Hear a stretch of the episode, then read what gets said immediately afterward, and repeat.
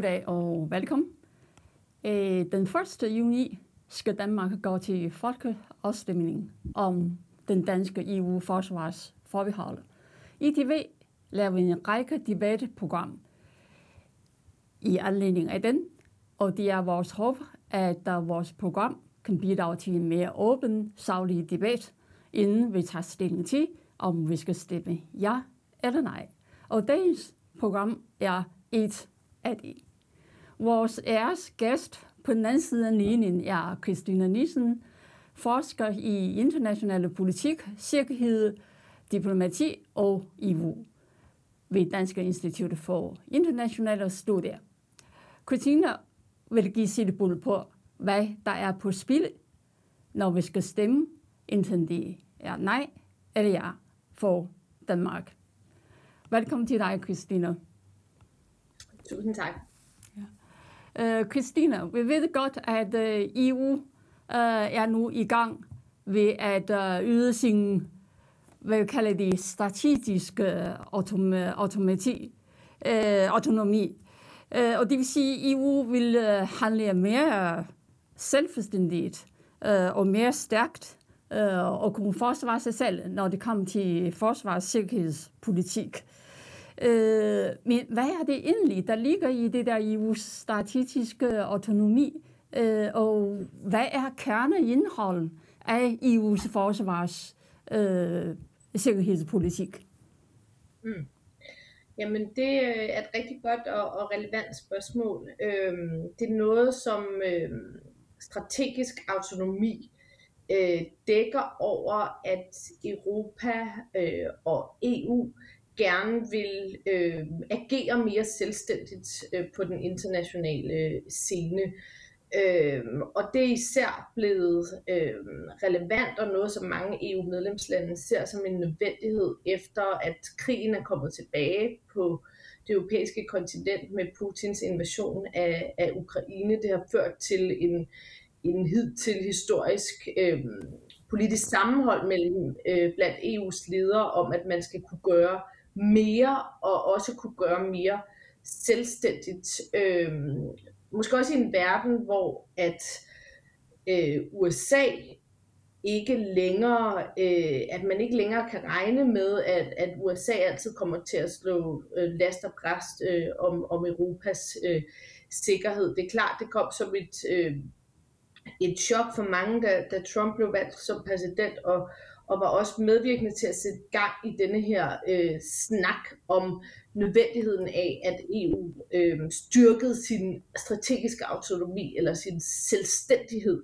Øh, men Trump er ikke den første eller den sidste præsident, som har understreget det her med, at Europa er nødt til at blive bedre til at tage vare på egen sikkerhed. Så det, som det indebærer, det er øh, på forsvarspolitikken, men i virkeligheden også på rigtig mange andre politikområder, øh, teknologi, øh, sundhed, energi ser vi nu øh, er blevet meget relevant øh, øh, efter Putins krig i Ukraine, fordi at vi er afhængige af øh, russisk energi. Øh, på tværs af politikområder, så ønsker man i en EU-ramme at blive bedre til at kunne handle øh, alene, om man så må sige. Og det er faktisk et, et ret centralt opgør med en øh, sådan grundsten i EU-samarbejdet.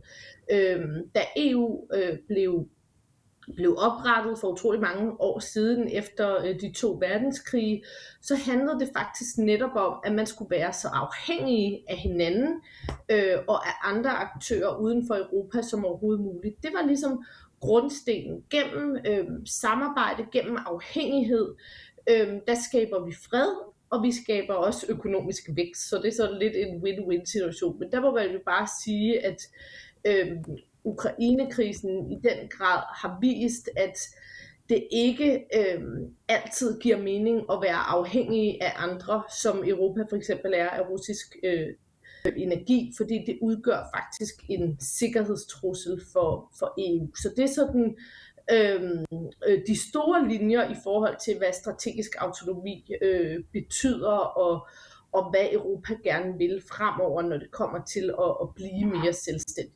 Mm. Men det der med, at USA vil EU gøre mere, øh, men det betyder jo ikke, at uh, USA vil gå min, meget mindre uh, i, i den del af NATO's del for, for os. Uh, mm. Så det vil sige, de vil stadigvæk, uh, USA vil stadigvæk med i NATO varetager vores territoriale sikkerhed.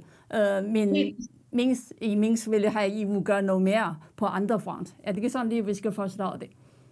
Jo, helt bestemt. Øhm, så vil øh, USA, øh, og vi ser jo også her i forhold til den nuværende øh, krig i Ukraine, at, at USA i den grad har, har været aktiv og også øget sin troppetilstedeværelse øh, i Europa øh, igennem, igennem NATO. Så det er ikke sådan, at, at USA trækker sig fuldstændig væk, men, men USA øh, har i stigende grad nogle andre øh, sikkerhedspolitiske interesser end, øh, end Europa har, øh, og USA vil rigtig gerne have, at man måske finder en arbejdsdeling, hvor at Europa bliver bedre til at tage sig af det europæiske nærområde, og så kan USA øh, fokusere på øh, deres øh, sikkerhedspolitiske interesser herunder øh, Kina, som spiller en større rolle, og Asien, som spiller en større rolle for USA.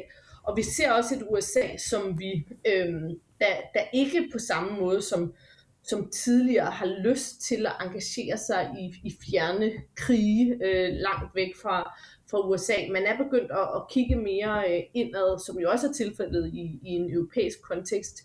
Øhm, og, øhm, så, så man ser gerne sådan en, en arbejdsdeling måske, hvor at Europa gør mere selv, og USA gør mere selv øhm, i fremtiden.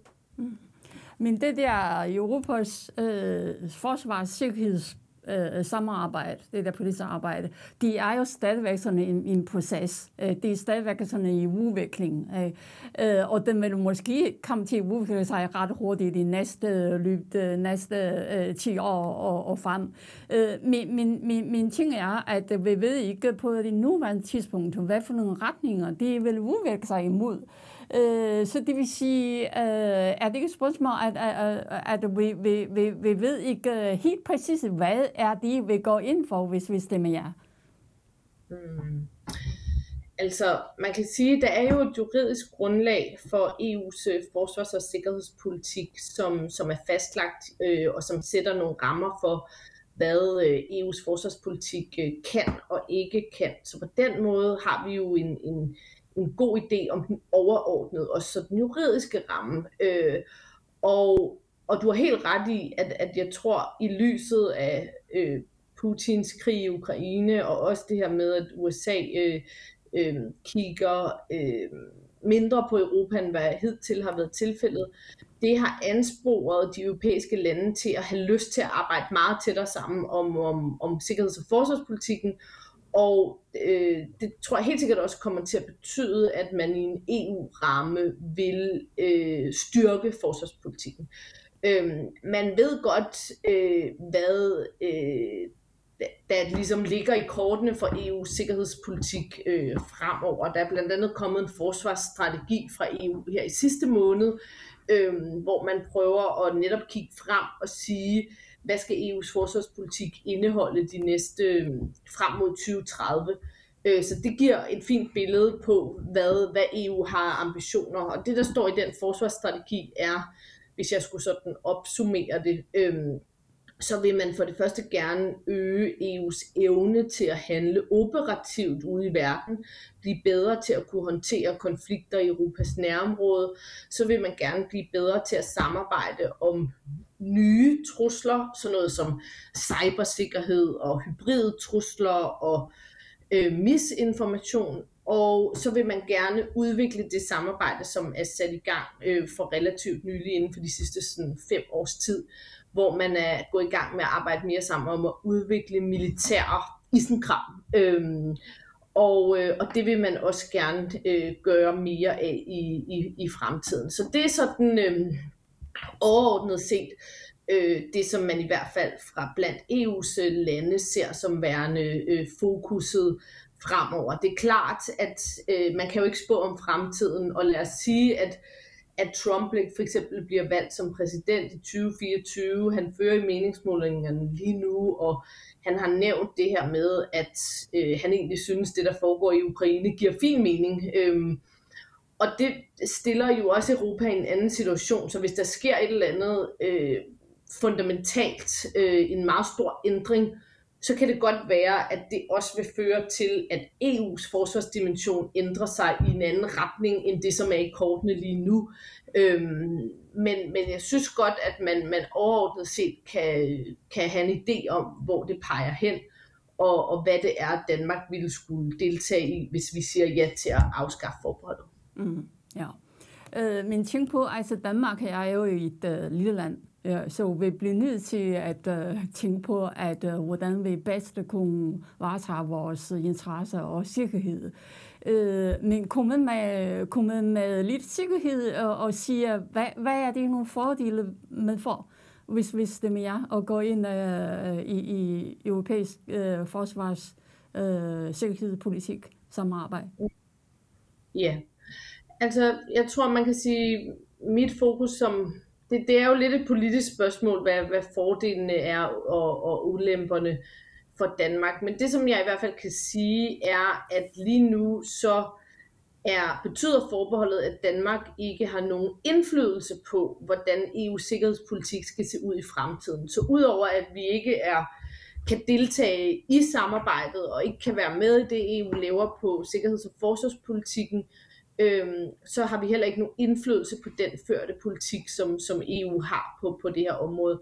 Så uden et forbehold, hvis vi afskaffer forbeholdet, jamen så vil det betyde, at Danmark kan spille en rolle på det her øhm, område, øhm, og, og indflydelse øh, er jo altid en, en god ting. Øh, så kan man så, så er det så et politisk spørgsmål, hvordan man har lyst til at påvirke, øh, og hvad man vil øh, gøre i den sammenhæng. Øh, Øh, og, og der er det også vigtigt at huske det her med, at EU's forsvarssamarbejde er mellemstatsligt, så det betyder, at alle lande har en vetoret og kan sige ja eller nej, øh, så alle skal ligesom være enige, før en beslutning øh, kan blive truffet i en EU-sammenhæng. Og øh, dernæst er alt samarbejdet frivilligt, så man kan sige, det er også temmelig et billigt forbehold at afskaffe for Danmark, fordi at konsekvenserne ved at afskaffe det er temmelig begrænset, fordi det er op til danske politikere at vælge til eller fra, hvad man har lyst til at deltage i. Mm, ja. Øh, mm, men, men med det forbehold, vi har nu, øh, så det er sikkert, at øh, danske ikke, øh, Danmark vil ikke øh, stille soldat til EU's militære operationer, og vi finansierer dem heller ikke. Øh, men hvis vi afskaffer det, øh, og går med ind i EU's øh, forsvarspolitiske samarbejde, øh, Øh, betyder det så, at øh, Danmark øh, ville i fremtiden øh, kunne sende soldat til, til EU-operationer og kunne også finansiere en del af det EU's forsvarsprojekter. Øh, Ja, altså det er jo så det der op til de danske politikere at finde ud af, om man har lyst til at deltage i EU's militære operationer og i øvrigt projekter eller ej. Øh, det er en politisk beslutning, som Folketinget skal tage. Øh, øh, så, så ved at afskaffe forbeholdet, giver det øh, ja, Folketinget mulighed for at, at finde ud af, om man har lyst til at deltage i EU's samarbejde herunder operationerne eller ej. Men som sagt er det ikke sådan, at EU kan, kan tvinge øh, danske soldater til at være med i en EU-operation. Det er de danske øh, politikere, der skal beslutte det. Mm. Men det lyder, det lyder rigtig øh, øh dejligt, at det er sådan en frivillig øh, arbejde, øh, øh, og man, man kan, man kan øh, bestemme fra gang til gang, øh, om man skal med eller ej. Øh, og så tænker man på, og så tænker man på, Øh, EU er jo øh, øh, et samling af, af mange forskellige lande. Øh, Øh, og EU har nok øh, overordnet set øh, øh, en, en, en fælles interesse, men der rum, det rummer jo også forskellige interesser inden for EU. Øh, så det vil sige, hvis alle lande øh, deltager på den frivillige basis, så kommer EU til at fungere overhovedet i forsvarsspørgsmål. Øh, Ja, ja det er et godt spørgsmål, og det må man jo også bare sige, altså sådan, det har jo været EU's øh, øh, hovedproblem sådan set. Øh, det her med, at for det første, som du nævner, landene har forskellige interesser, øh, så det kan være rigtig svært at blive enige, og når beslutningssystemet er sådan, at der ikke kan blive truffet en beslutning, før alle er enige, så øh, betyder det, at de beslutninger, der kommer ud af EU, og det har været et af kritikpunkterne fra mange, øh, det er sådan lidt laveste fællesnævneragtigt, så, så EU har ikke måske den mest slagkraftige øh, forsvarspolitik, øh, fordi der netop er hersker øh, forskellige interesser, når det kommer til det her øh, spørgsmål. Øh, nu ser vi så øh, her i, i, ikke mindst efter Ukraine, en sådan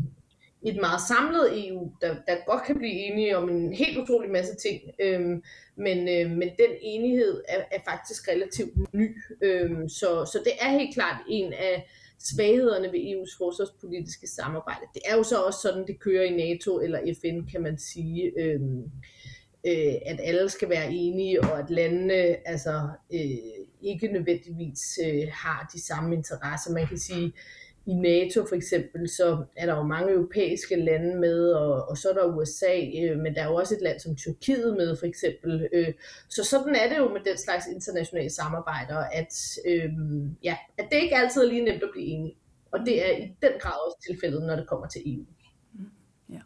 Øh, så det vil sige, øh, der er ingen grund til, at øh, vi frygter, at der var nogen, der ville truffe nogle beslutninger, eller tvinge os til noget som helst.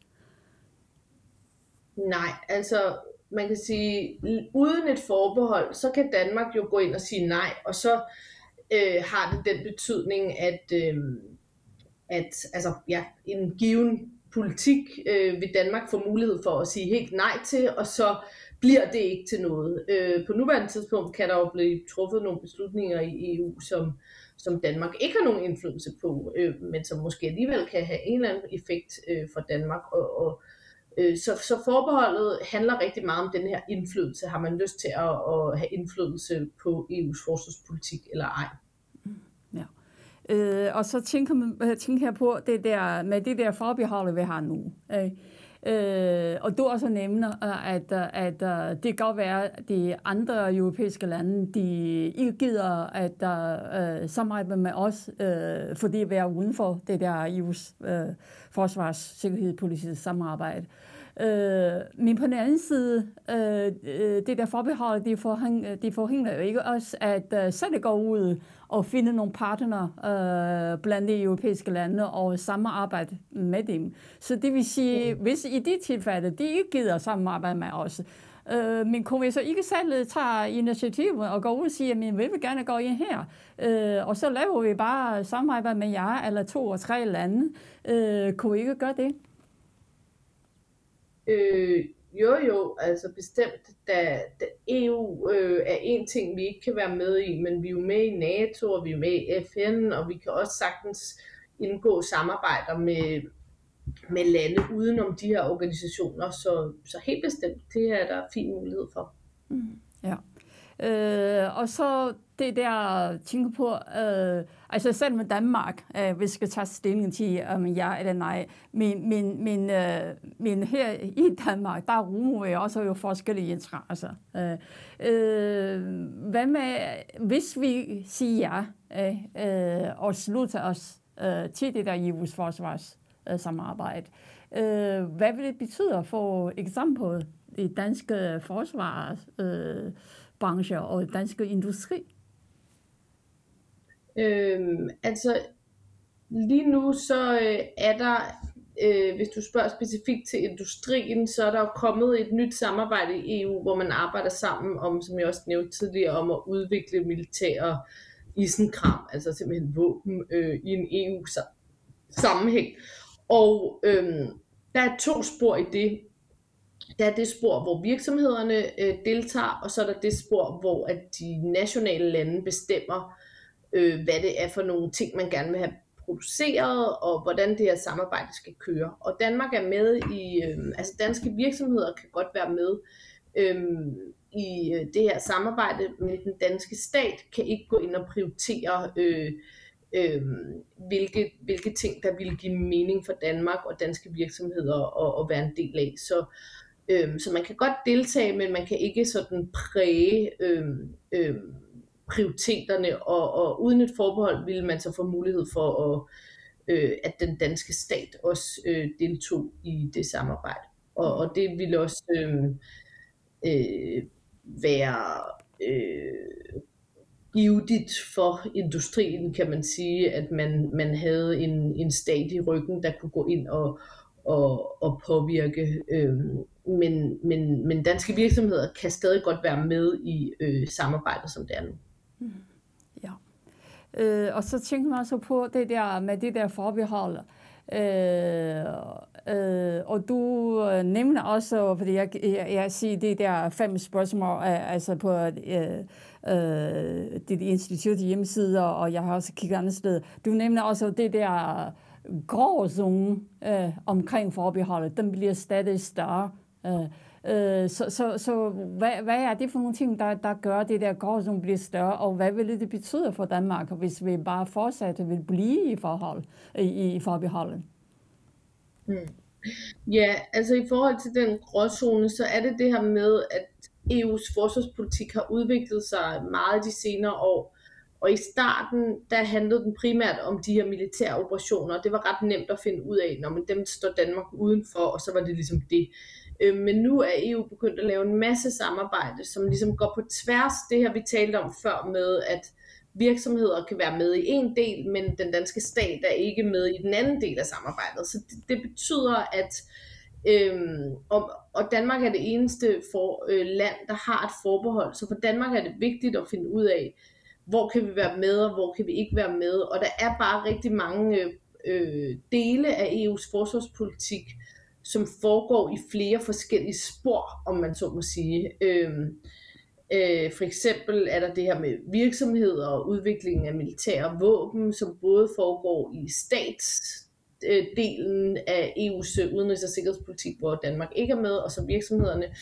Øhm, og det er klart, der kommer jo så en masse sådan gråzoner, hvor man ikke helt er, kan finde ud af, sådan, hvor man er med og hvor man ikke er med, og man kan deltage i nogle ting, men ikke deltage i andre ting, og danske embedsmænd bruger også meget tid på at faktisk øh, sikre sig, at det danske forbehold bliver overholdt og fuldt, øhm, og det var bare meget nemmere tidligere, end det er nu. Altså nu er der flere tilfælde, hvor at øh, det ikke er helt så tydeligt, om det danske forbehold gælder eller ikke gælder.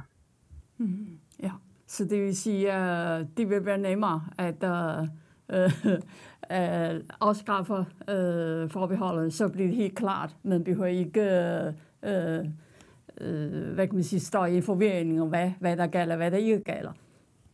Ja, jeg tror i hvert fald, at der er mange danske mm. embedsmænd og diplomater, der vil få det mm. nemmere. Mm. Ja, ja. Ja, okay. Øh, og så tænker på, at øh, øh, er der nogle ting, vi kan sige de, med sikkerhed, øh, det vil sige øh, nogle ulemper, hvis vi siger nej? Mm. Mm, altså man kan sige, i og med det er det her frivillige samarbejde, så øh, er det lidt sværere helt at pege på ulemperne igen kommer, altså synes jeg jo også, det er lidt af et politisk spørgsmål, hvad der er en ulempe, fordi at der er mange af de partier, øh, eller de partier, som anbefaler at nej, det er jo nogle partier, som synes, det generelt er en ulempe at være med i EU, og det er jo, øh, det er jo helt fair, og øh, ja, en, en politisk vurdering, så jeg vil sige, for mig og sådan skulle pege på ulemperne, det synes jeg faktisk er svært, altså øh, øh, i, i min position som, som forsker. Mm. Øh, det jeg kan sige, det er, at øh, udover sådan de mere politiske grunde til at stemme nej, så, øh, så i og med øh, forbeholdet er frivilligt, så øh, altså vil det jo være de danske politikere, der, der, der vil skulle finde ud af, hvad man skal være med til og ikke være med til. Mm. Øhm, så, så potentielt er det et meget billigt forbehold at afskaffe, hvis man kan sige det sådan, fordi det er op til Danmark at finde ud af, hvad vi vil være med i. Øhm, men det kan selvfølgelig også godt komme til at, at koste nogle flere penge, hvis, hvis Danmark øh, vælger at indgå i, øh, i militære operationer og militære projekter, men det er noget, man i princippet først ved efterfølgende. Mm, ja, ja. Øh, ja, men, men, men, men tit og ofte, altså hvis man hører det der nej-sider, øh, så er det jo en, en, en, en faktor for, at øh, EU måske vil på et tidspunkt øh, øh, skaffe sig en EU her øh, øh, i militære styrker øh, for EU. Øh, men efter din vurdering, øh, hvordan ser du, kom det ske i den retning? Øhm, det har jeg meget svært ved at se øh, ske. Det kommer selvfølgelig an på, hvordan du definerer en, øh, en EU her. Men lige nu står der skrevet ind i EU så den juridiske grundlag, at man ikke kan lave en EU her, og man skal bruge EU's forsvarspolitik uden for Europa også, så det skal ikke være en militær alliance.